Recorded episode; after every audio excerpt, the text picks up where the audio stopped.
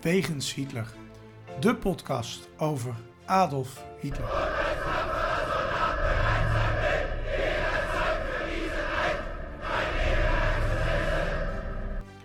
Dictator, alleenheerser van 1933 tot 1945. Een man met miljoenen doden op zijn geweten. Das war ein Befehl!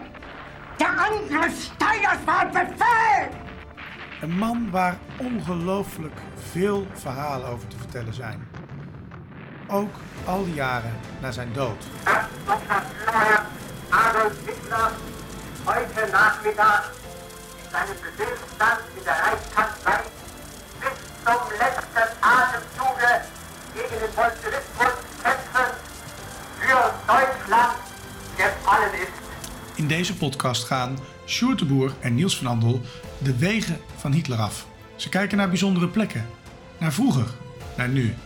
En ontdekken samen met de luisteraar het bijzondere verhaal van de Führer van Nazi-Duitsland.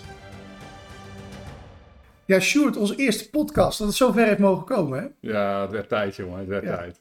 Ja, ik weet nog goed, tien jaar geleden zat ik bij jou in de klas. Hè? Want jij bent eh, docent Nederlands van mij ooit geweest. Ja, Duizend ja. jaar geleden, tien Ja. jaar geleden nu, hè, bijna.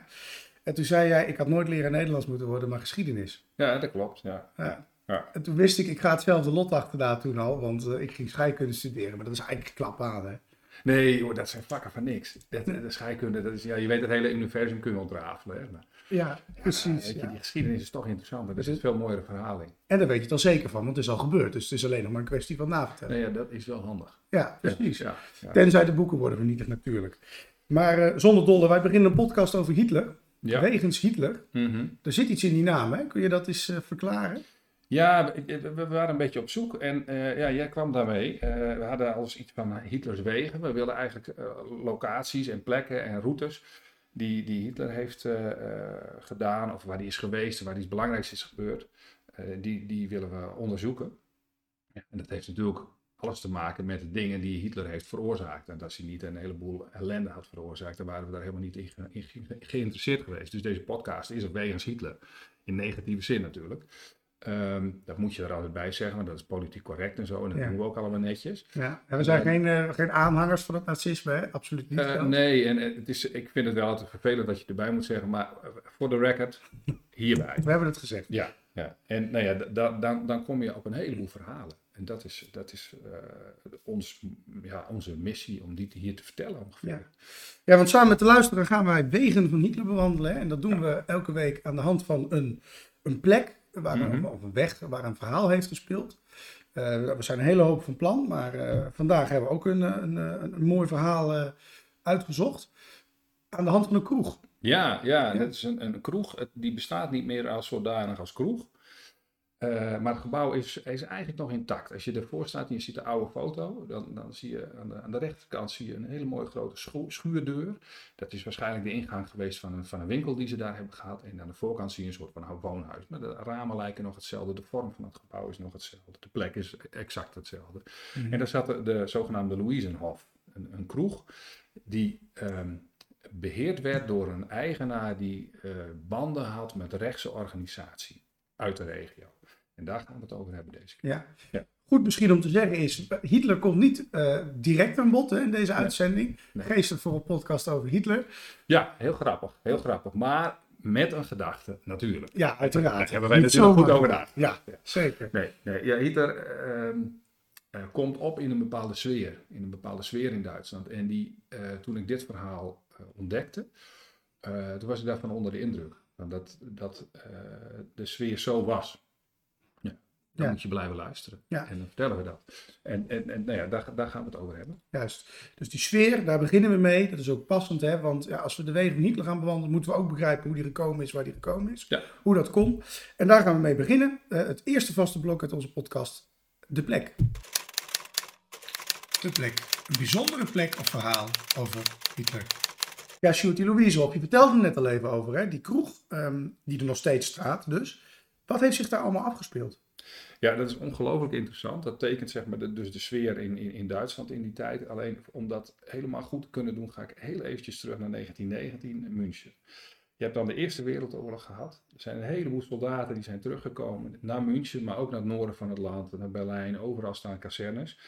En die gaan in kazernes zitten en in, München gebeurt iets specifieks. Daar zie je heel goed wat, wat de wrijving is in dat land. Uh, er zijn een heleboel mensen die hebben communistische, socialistische uh, sympathieën.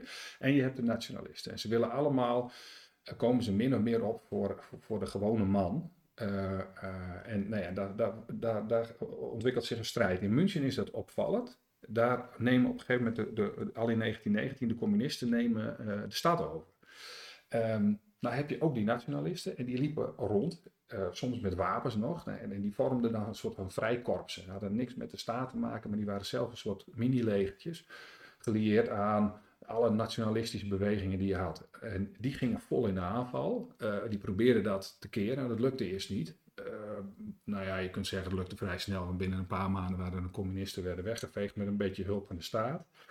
En nee, in, in die sfeer Ehm, eh, waarin communisten en, en, socialisten altijd tegenover nationalisten stonden. En van mannen die uit hetzelfde leger kwamen, uh, werd uh, geprobeerd om een democratie op te bouwen. Mm hey, en die, die, die, die, de stad wordt overgenomen, wordt ingenomen. Het klinkt bijna als een burgeroorlog in Duitsland zelf. waarom wapende de staat zich daar niet tegen? Ja, dat, dat deden ze wel op een vrij specifieke manier. Het, komt ook in het verhaal nog wel aan de orde. Ehm, maar wat je moet realiseren is dat uh, Duitsland was geen democratie. Ze hadden geen ervaring met, met democratie. Um, ze hadden een keizer en die was net afgezet. Uh, wat Ian Kershaw wel uitlegt, die biograaf van Hitler en uh, schrijft veel over geschiedenis van Europa, die, die zegt van ja, Engeland had dus die traditie wel al, mhm. al heel lang. En die wisten ook uh, daarmee om te gaan. En die, de, hele land vormt zich daarna. En Nederland had ook een vrij lange traditie van, van democratie in vergelijking met Duitsland. En dat, die maakt daar een heel groot verschil in. Dat hadden ze in Duitsland niet.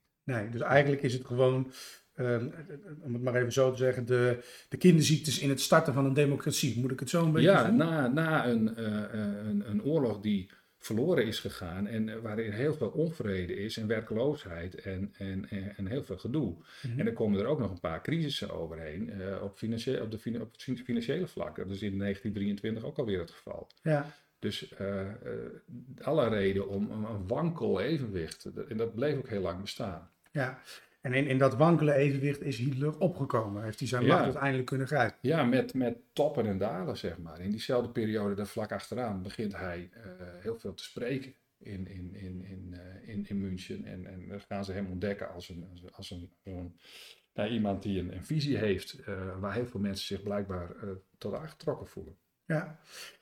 Terug naar die Louisehof. Ja, We hebben een beeld nu van de hele situatie die daar speelde dus hè, in die regio. Uh, in de buurt, hè, in Duitsland, de sfeer. We hebben daar nu een beetje een gevoel bij. Ja. Hoe, wat heeft dat te maken met die Louisehof? Ja, we, we, gaan helemaal dus naar het noorden. Je, je, moet, je moet je voorstellen, Parchim, eh, daar, daar ligt, dat is het plaatsje, het is een klein plaatsje, wonen nu 20.000 mensen ongeveer. Mm -hmm. uh, nou, nou, toen waarschijnlijk minder. Dat ligt in een soort van driehoek ten opzichte van Hannover en, uh, en, en, en, Berlijn, ter hoogte van, van Hamburg ongeveer.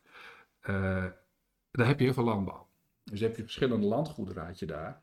En uh, die landgoederen die, uh, die werden beheerd door mensen met, met, met geld en met, met, met land. En um, uh, die hadden daar van die soldaten werken. Die werden landarbeiders, die, werden, um, die gingen van alles doen daar. En een deel daarvan was ook een soort bewakingsgroep. Nou was die bewakingsgroep, die had banden met de zogenaamde Rosbach-groep. Dat was een club, daar zat de leiding van in Berlijn. Die waren zo rechts als maar kon.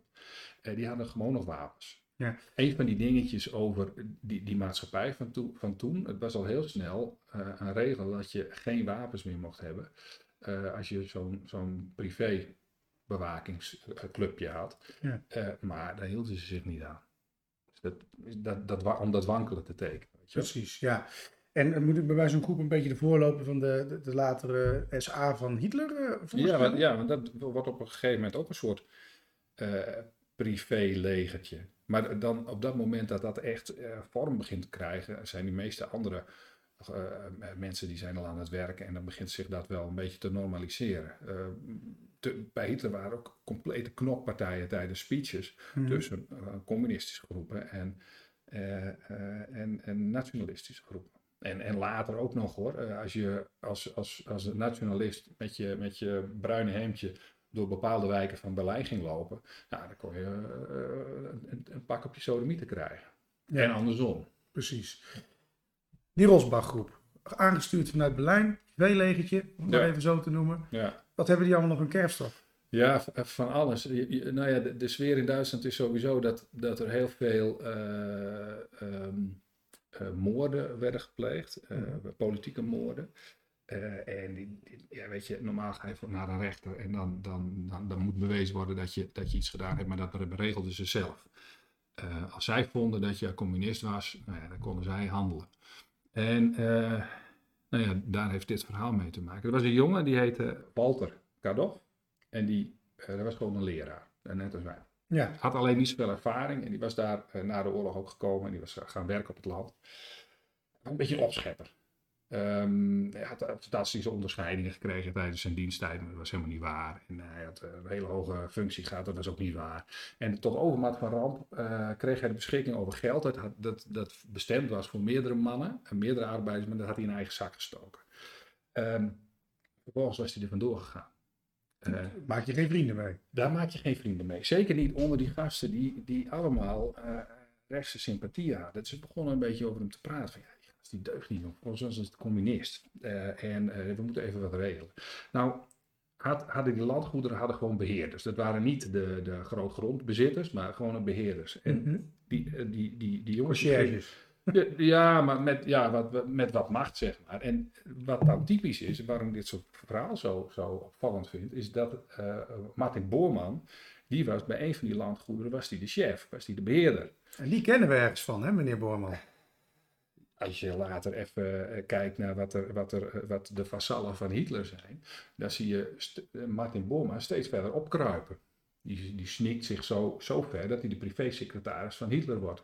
De enige man met eigenlijk toegang tot Hitler, hè, op het Aan laatste. het einde was hij de man. en Het ging allemaal via Martin Bormann. Dus hij had ongelooflijk veel macht later. Mhm. Toen had hij nog niks. Alleen, ja, dit soort verhalen die zich daar afspeelden, daar, daar kreeg hij later de credits van. Wij, waarvan wij nu zeggen, nou ja, we- zullen het horen. Ik zal het eerst Ja. vertellen en dan zullen we de conclusie trekken. Die, die mannen die gingen naar Martin Bormann en zeiden van ja, eh, die, die, die, die Kadoff, die, eh, die moeten we, daar moeten we iets mee, want eh, dat geld is verdwenen. Nou, Martin Bormann zei van nou, eh, wat we doen, we pakken hem. Eh, hij moet eerst geld terug, eh, terugbetalen en dan wordt hij gewoon ontslagen. Dus, simpel. Ze gingen nog een keer zoeken, maar ze konden hem niet vinden. Toen is die boorman op eigen houtje is die wat rond gaan, gaan, gaan, gaan, gaan, gaan lopen. En onder andere kwam hij terecht bij de baas van die Louisenhof, die kroeg. En tegen al die mensen die die tegenkwam, zei ze van ja, als die Walter Kadoff terugkomt, dan moet je me waarschuwen. Want eh, dan geven we hem een paar rammen, want hij moet dat geld terugbetalen. Mhm. Nou, je, je kunt al raden wat er gebeurt. Hij kwam terug. Hij kwam terug. Hij had niet genoeg geld. Blijkbaar had hij zijn geld al opgemaakt. Eh, hij, hij kwam terug in die kroeg. Dat was ook logisch. Dat was de plek waar al die landarbeiders naartoe gingen om een potje bier te drinken. Of om even rond te hangen na het werk. Ehm, maar ja, dat was wel de verkeerde plek. Want die Rosbach-jongens, die rechtse gasten, die kwamen daar massaal naartoe. Hij voelde zich blijkbaar eh, helemaal niet bedreigd of zoiets.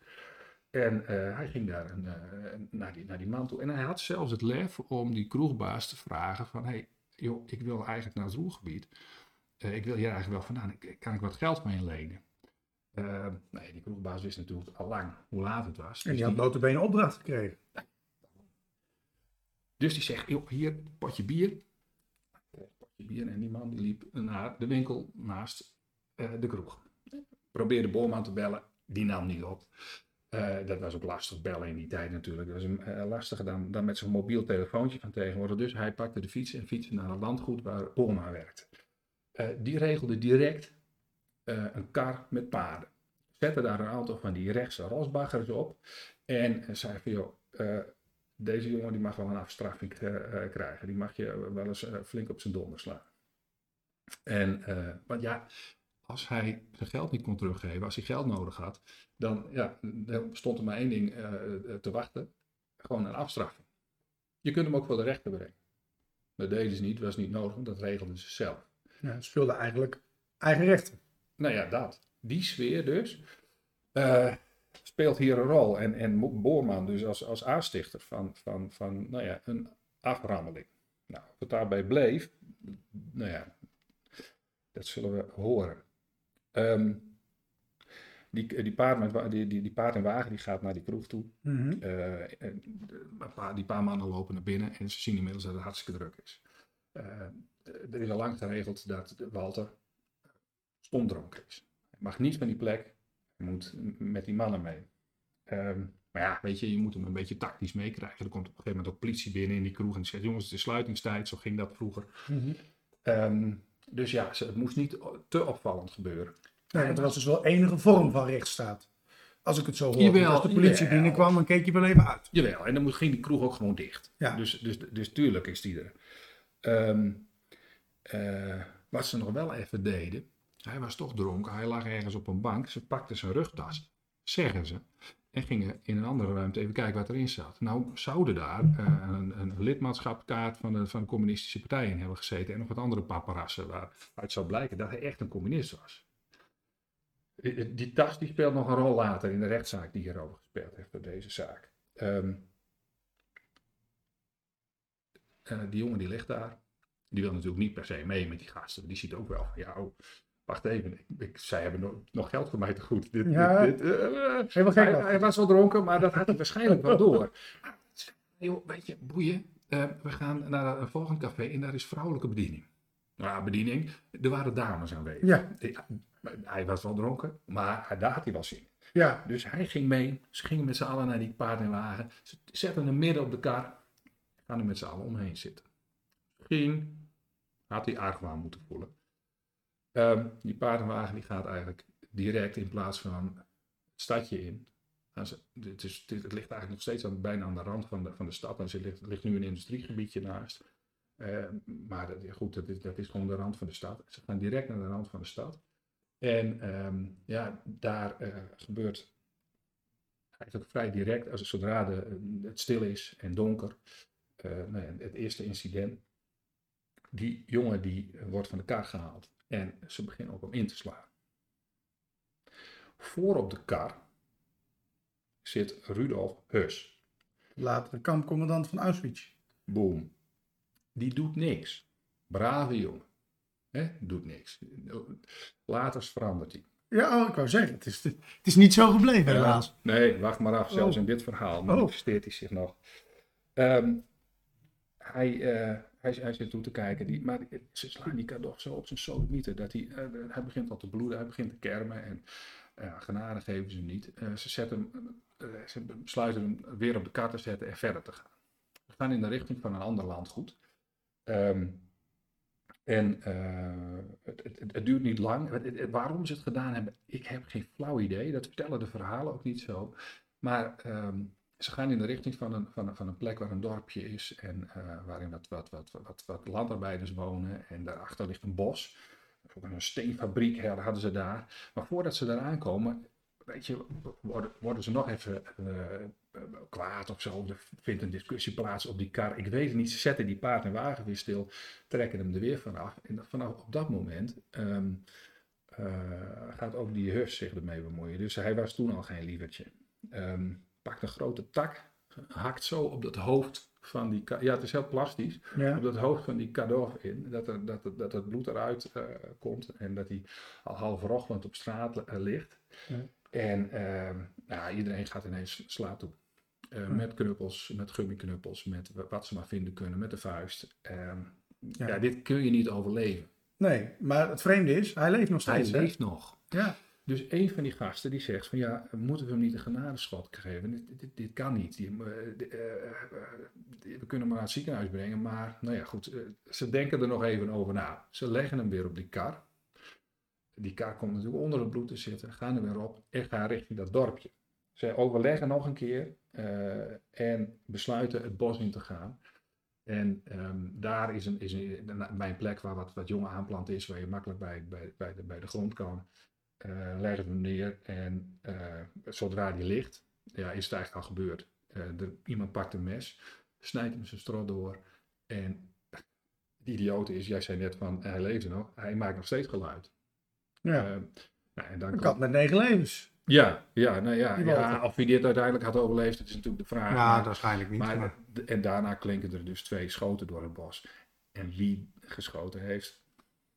Dat hebben ze natuurlijk nooit meer kunnen vertellen. Zijn ze Ja. vergeten. Ja, dat weet je niet. Als je dat niet vertelt, dan kan de rechter het later ook niet weten. De jongen is dood. Die kar die gaat terug naar het dorpje, wordt schoongemaakt. Ze voelen zich blijkbaar veilig daar. Ja. Dat is idioot, maar ze voelen, die kar die kan er gewoon midden in de nacht, dat hoort nog iemand.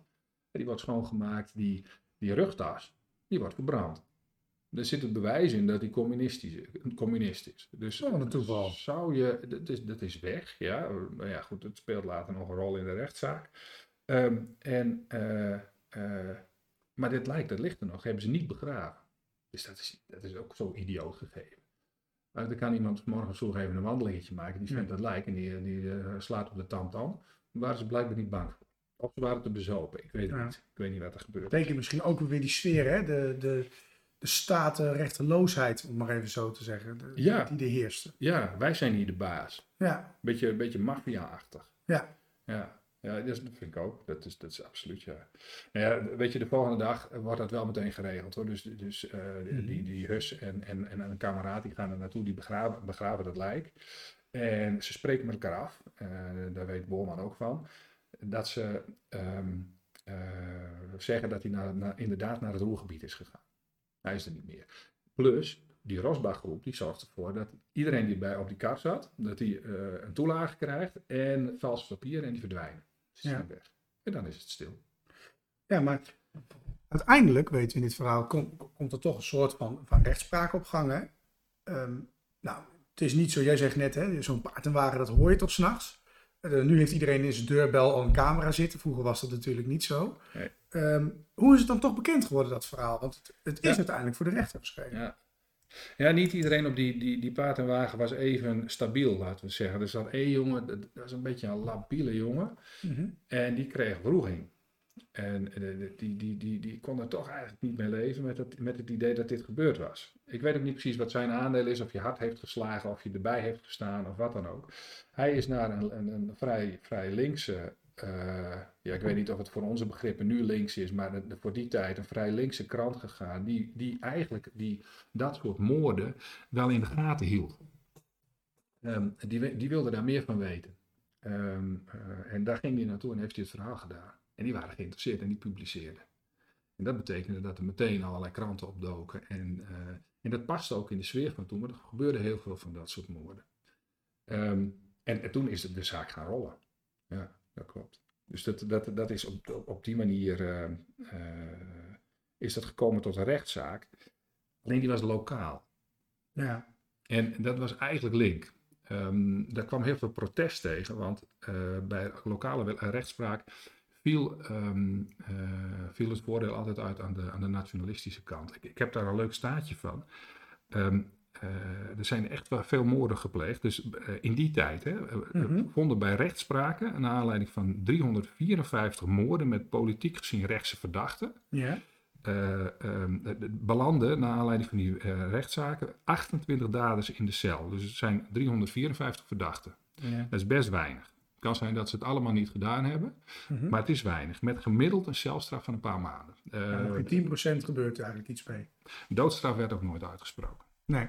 Nu naar linkse daders, eh, vermoedelijke daders. Mhm. Eh, daarvan, die, die pleegden veel aanzienlijk minder moorden. Eh, of ze, ze zijn niet bekend, maar er waren 22 moorden. Er gingen 18 daders van in de cel. Die kregen, die kregen tiende doodstraf.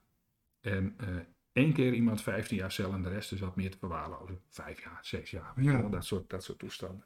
Nationalisten kregen veel mildere straffen. Ja. Is dat al een, eigenlijk een, een teken van dat, dat Duitsland de verkeerde rechtse kant op ging? Ja, lokaal gezien sowieso. Eh, alleen ze hadden daar wel een, een, een, een, manier voor eh, ehm, om dat op te lossen. Want ze hadden in Leipzig, daar, daar, stond een heel groot eh, staatsgerechtshof. En die, Ja. die was eigenlijk gespecialiseerd in dit soort zaken. Daar spraken ze ook veel ehm eh, objectiever recht dan, dan lokaal. Ja, blijkbaar werkte dat zo. Ja. Dat dat rechtssysteem niet op elkaar ingespeeld was en, en dat ze zich Nou ja, dat ze Ja, niet zoals nu dat wij een lage rechter hebben en daar het hoge rechtshof boven hebben, zit uiteindelijk waar je bezwaren kunt maken, weer een hogere rechter. Ja, ik- Niet zoals wij het in Nederland nu hebben Nee, en in Duitsland ook niet. En, en dat heeft misschien ook met de verkniptheid van Duitsland in, in, in die staten te maken. Ik heb geen flauw idee, maar het, het, het, het, het werkte niet. En ehm, eh, ja, dat, dat- uiteindelijk is het zover gekomen dat, dat, dat daar eh, die zaak naartoe ging. En, en nou ja, dat was op zich goed. Ehm, ja, die, die gasten die, die, die, die, die, die logen alles bij elkaar. Dus het was een rotklus. En het was maar goed dat hij naar de nationale eh, eh, rechtbank ging. Eh, ze, ze, ze zeiden sowieso, het is niet politiek gemotiveerd. Dus het was maar wat handig dat ze die tas hadden verbrand. Hè? Mhm. Want eh, nee, het is een uit, uit de hand ge- gelopen knokpartij. En, en ja, het was ook niet de bedoeling dat die, eh, dat die, eh, dat die moord had plaatsgevonden. Het was dat geheim genootschap, daar waren ze ook niet bij. En hadden ze eh, gepland was de moord niet. Dat gaf trouwens ook de aanklager gaf dat aan. Want ja, weet je, ehm, da- da- daar was geen sprake van. Dat, dat er misschien ge- geknokt zou worden, dat wisten ze. En nou ja, dat was het. Ehm, dus noodweer werd dan het geval. Noodweer, zeg je dan? Hè? Noodweer? Nee, dat zeiden in ieder geval de verdedigers. Ja, want hij was communist en hij viel de staat aan. Dus wij moesten de staat verdedigen. Dat is Ik weet- Hoe kom je erbij, hè, denk je dan? Bij noodweer denk je eraan, ik word geslagen, ik sla terug. Ja, ja dan had hij toch op Ja. zijn minst uh, heus een pak op zijn flikker moeten geven. Ja, precies. Maar dat, nee, nee, dat geluk hebben we niet gehad. Nee. nee, dat was mooi geweest. Maar Ja. dat, ja, nee. Dat, Helaas heeft het precies niet zo gelopen.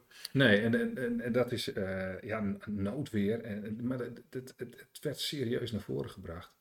Hij was een communist, maar het bewijs dat hij communist was, was hij natuurlijk niet. Dat hadden ze zelf verbrand. Als het er al geweest is. Ja. Eh, we weten het niet. Nou, die, die, die, die rechts, eh, re- rechter die was op zich eh, voor die tijd dus behoorlijk streng. Die, die vond het een zwaar misdrijf met een politiek motief. Dat, dat zei hij wel. Ehm, eh, ze hadden allemaal zware eh, mishandeling gepleegd. eh, maar niet een geplande moord, daar was hij het mee eens. En wie die moord had gepleegd, dat konden ze niet vaststellen. Dus dat is, dat is een ja, gegeven dat. eh, ehm, ja, daar kon hij ook niks mee. Dat, dat snap ik wel. Maar die straffen die waren veel hoger dan gebruikelijk. Dus ehm, eh, nou ja, ze gingen met, met z'n allen vele jaren de cel in. Dat is eh, iets 12,5 jaar was de hoogste straf. Dat is heftig als ik net je Ja, hoor. Dat Ja. is voor, de, voor die rechtse jongens was dat eh, stevig. Eh, die Martin Boorman die liep nog, liep nog vrij eh, rond trouwens hoor, tijdens die rechtszaak. Maar die kreeg wel, wat is het, een jaar of zo we- wegens medeplichtigheid en het plannen van, van, van dat gegeven. En Rudolf, Rudolf Hus, die, daar- dat was ook nog leuk. De, de advocaat die zei van ja, hij is een weeskind en hij is een lastig leven gehad. Dus eigenlijk moet hij vrijspraak krijgen. Maar die kreeg tien jaar. Ja, Ja. zo. Ja, nou ja, goed, weet je, die had aardig lopen rammen, dus wat dat betreft. Nou, was er nog iets anders aan de hand. Om die, dat gesodemieter met, die, met al die strijdende partijen tegen te gaan, hadden ze bedacht, in de Weimarrepubliek van toen, ehm, eh, dat, dat, dat het goed was om soms een amnes- amnestiewet eh, af te kondigen. En die ging gelden voor alle politieke kwesties in het land. Waaronder die moorden. Dus in 1928 of zo, ik kijk even naar links op mijn blaadje, dit is 1928, ehm, eh, werd die wet, wet van kracht. Dat betekent dat niemand van die jongens. Zijn straf werd uitgezet. Nee, het begon in 1923, begon dit, dus eh, vijf jaar. De, de, de, de, de, de langste straf was net iets, iets langer, dan, of de kortste straf was net iets langer dan dat.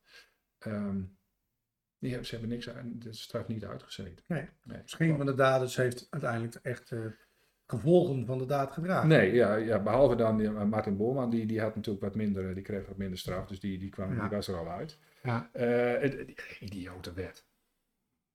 Eigenlijk is dat in Duitsland, hè, want uiteindelijk is Hitler ook eerder vrijgekomen eh, voor zijn gevangenisstraf toen. Ja. Dus dat is wel iets wat in Duitsland zich op grote schaal afspeelde. Ja, en die, die, die rechtbank in Leipzig is sowieso een, nou ja, als je het over plekken hebt, hè, is dat ook een plek waar, waar bijvoorbeeld, eh, ehm, eh, als je een, een aanslag op de staat pleegde, dan kwam je daar terecht. Dus onze, onze Nederlandse eh, brandstichter van, Mhm. van, de, van de Rijkstaak, die is daar ook terechtgekomen. Ja, Dus dat, eh, dat, dat, dat speelde dan later. Ehm, ja, en, en, en juist die Hus, maar dat zei je zo net al, hè, die Borman, die speelde later in het Derde Rijk een, een, een belangrijke rol. En dat is eigenlijk wat het verhaal ons vertelt. Mhm. Je kunt soms, en lang niet altijd, kun je, als je terugkijkt, is het het makkelijkst. Natuurlijk. Dan Ja. kun je zien dat de, de, de, de, de sfeer en de poppetjes, dat die al aanwezig zijn. En, Ja. en, en binnen die sfeer en die machtsverdeling kunnen dingen ontstaan waar je voor op moet passen. En uh, ja, dat is niet gebeurd in, in Duitsland. Dat, uh, het, het sudderde ook een beetje aan. En de, die, die Weimarrepubliek kreeg ook wel een beetje grip op, uh, grip op de situatie. Met zo'n amnestiewet ook. Nou ja, hield je iedereen een beetje tevreden. Ja. Het is natuurlijk ook wel zo, Duitsland heeft pech, pech gehad. Want uh, nou, op een gegeven moment ging het volgens mij wel redelijk met Duitsland. Maar kwam er een economische crisis van in je welste. En, ja. en, en misschien zonder die hele crisis had heel Hitler wel nooit zo ver gekomen als hij gekomen is. Nee, nee, er zijn heel veel elementen in die, in die, in die, in die lange periode die daar nog achteraan ja. gaat. Die, die, een hele andere kant op hadden kunnen gaan. Ja. Dat is absoluut waar. Dus je, je, dit ver, verklaart het niet voor volle 100%. Nee, uiteraard niet. Maar het geeft ons wel een gevoel van de sfeer die speelde in Duitsland. Die uiteindelijk heeft Ja. kunnen leiden tot... Ja, Nou dat ja. mensen er dus niet eens van opkeken dat er, dat er wat, wat communisten werden vermoord. Ja, dat moet ook, weet je wel. Ja, Dat is prima. Ze wisten het, ze stonden in elke krant. Dus elke Duitser wist dat, het, dat, soort soort kwesties speelden onder die groepen. Ja. Dus, dus eigenlijk leert dit verhaal ons echt hè, de sfeer en ook te meer te begrijpen hoe Hitler heeft kunnen komen waar hij heeft kunnen komen. Ja. Ja. En we zien dus ook Martin Bormann en, eh, en de latere kampcommandant hè, Ja. Eh, Hus ehm, ook al een belangrijke rol spelen. Iets wat ze eigenlijk de jaren daarna heel lang hebben gedaan. ja, Ja, ja, en die zelfs dankzij deze kwestie eh, op goede plekken terechtkwamen. Maar dit, dit was eervol, hè? Ja. Als jij gestreden had in die vroege tijd, als je wat, dan kon je op beroepen. Kijk, Ja. ik, ik, ik heb zelfs in de cel dat gezeten. was natuurlijk argument. gevoelig voor. Ja, ja, absoluut. Absoluut. Ja, Nou, een prachtig verhaal zou ik zeggen. Een prachtig verhaal, maar in ieder geval een interessant verhaal. ja, nou ja, ja, meer een beeld te geven. Ja, het, verhaal in is- zich, op zich, je, ja, je zegt dan een prachtig verhaal, wat zeg je dan? Nee, dat wil je dan niet zeggen, dat is Nee, dat- die moeilijke, maar het is een prachtig, eh, ellendig verhaal, ja. De ad Hitlerum. Het onjuiste gebruik van Hitlers naam. Ja, het volgende eh, onderdeel, uh, Sjoerd, is iets eh, wat ik als leerling altijd mega interessant vond. Drogredenen. Ja. En wat blijkt, Hitler heeft zijn eigen drogreden gekregen. De argumentum et ad Hitlerum. Ja, ja, ja, ja, ja. Ja, ja. Ja. daar word je vrolijk van. Nou ben jij de expert hier natuurlijk een klein beetje hè, van ons twee. Wat, wat is een drogreden eigenlijk? Ja, eh, nou, een, een drogreden is, is eigenlijk een, een, een, redenering waarmee je bed- bedrog pleegt binnen een, eh, binnen discussie. Het is een argument dat niet klopt, eh, geen waarde heeft eigenlijk, omdat je eh, nou ja, dingen erbij haalt die er niks mee te maken hebben, vergelijkingen maakt die niet kloppen. De, de, het belangrijkste is dat je niet over de inhoud praat. Je hebt een discussie over iets, maar je haalt er iets anders bij dat er eigenlijk niet mee te maken heeft. Mhm. En dat eigenlijk zijn er meer drogredenen dan goede argumenten in elke discussie. Ja, ik heb er ooit wel eens een keer op gelet. Nadat ik er een college over had gevolgd, dacht ik, nou, ik heb drie argumenten gehoord, voor de rest alleen maar drogredenen als ik heel strikt ga. eh, Ja, en met, Volgen. dit, dit is ook Ja. zo. Je hoort ze in de Tweede Kamer. Het is eh, enorm. Het is meer, weet je, als je iemand onderuit wil schoppen, dan moet je een persoonlijke aanval plegen. Ja. Maar dan heb je het niet meer over de, de wet waar je toevallig in de Tweede Kamer over wil hebben. Eh, waarom die slecht is of waarom die wel werkt.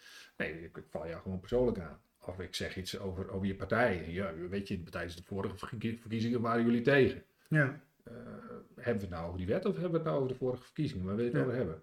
Nou, dat, dat zijn drogredenen. Nou, en Hitler heeft zijn eigen, dus de, de ad Hitlerum dus. En dat is eigenlijk vergelijkingen met Hitler. Ja. En die gaan altijd mis. Toch? Eh, ja, die gaan altijd mis.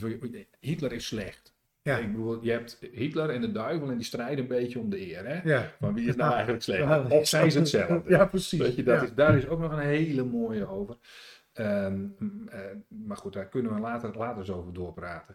Ehm, dat gaat mis. Als je dus zegt van, van, eh, in een discussie dat Hitler dat ook heeft gedaan. Mhm.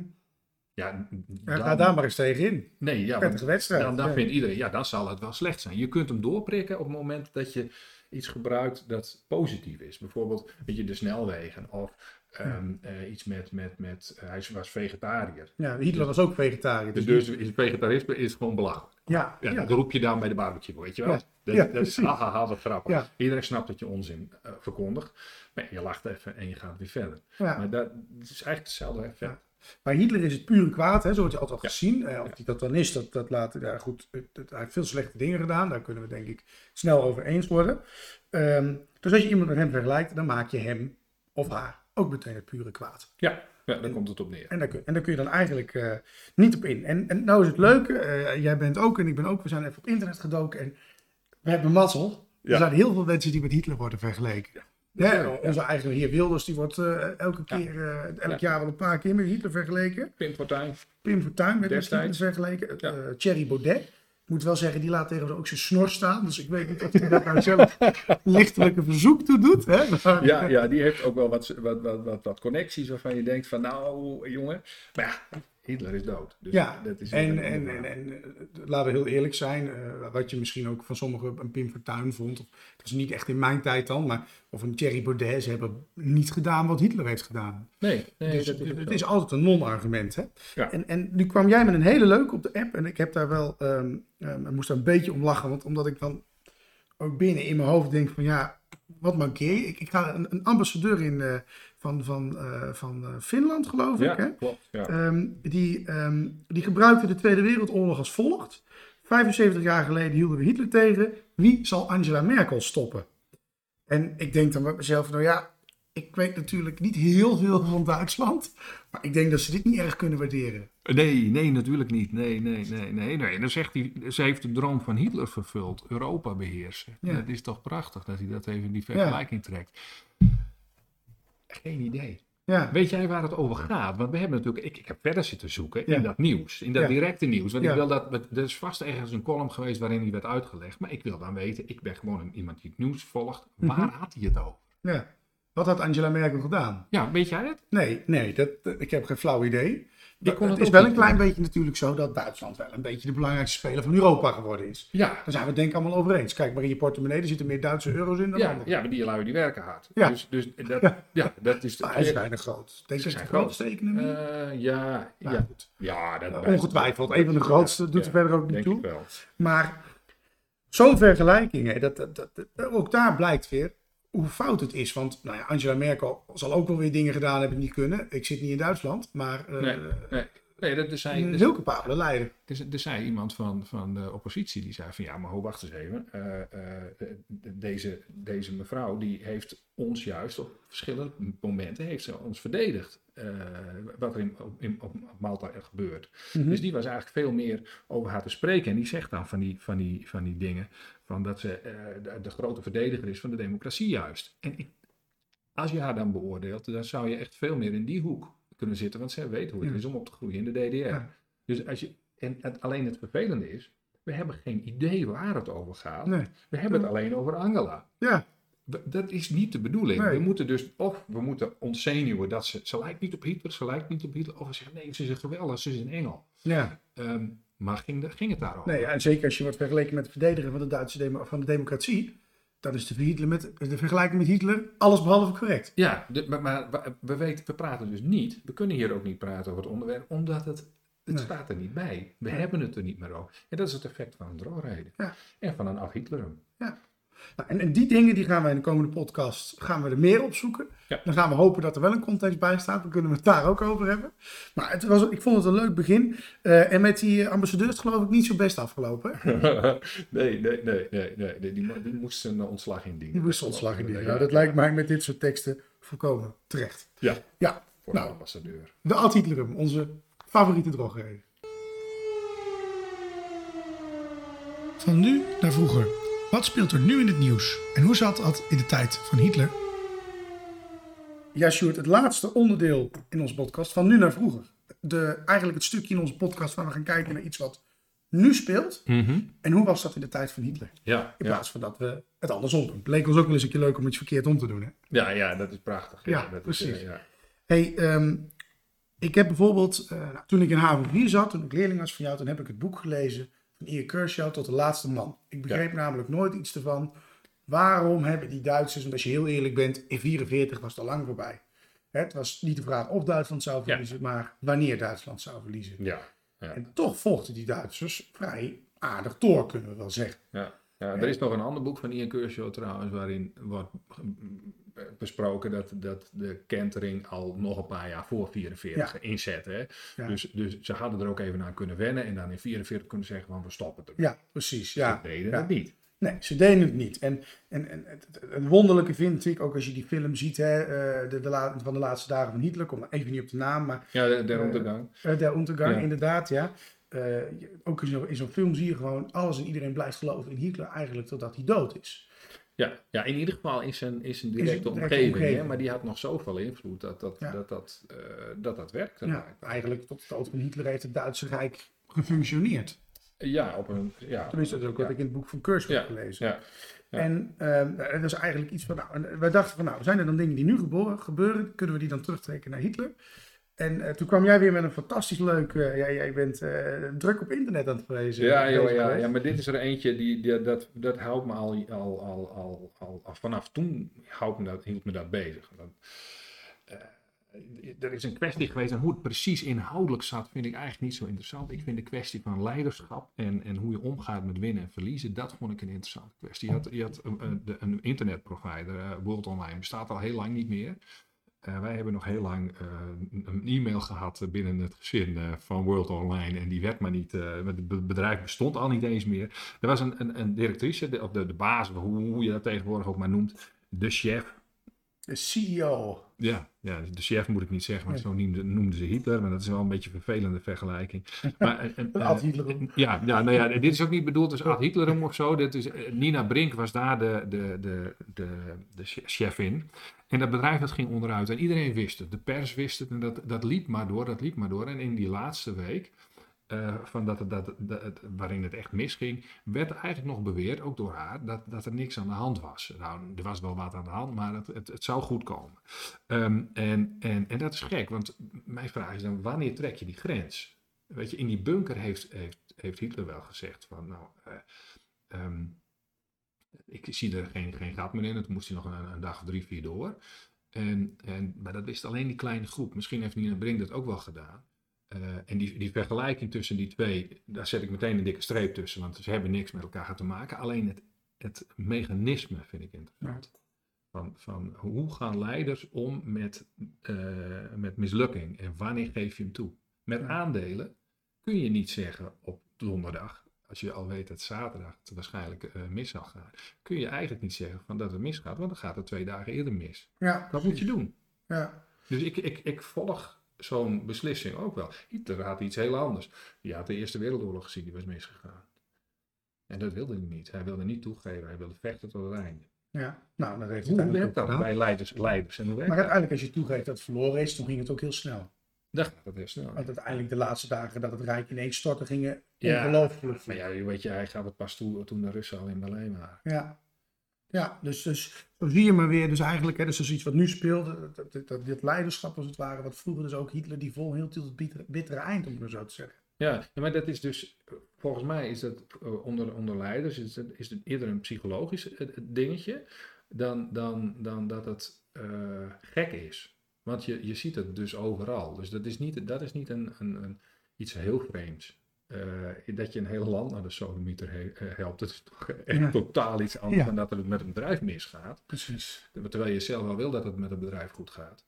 Dus dat heeft niks met elkaar te maken. Alleen dat gegeven van doorgaan tot het einde en dan bijna blind voor, voor alles om je heen. Dat, Ja. dat is apart.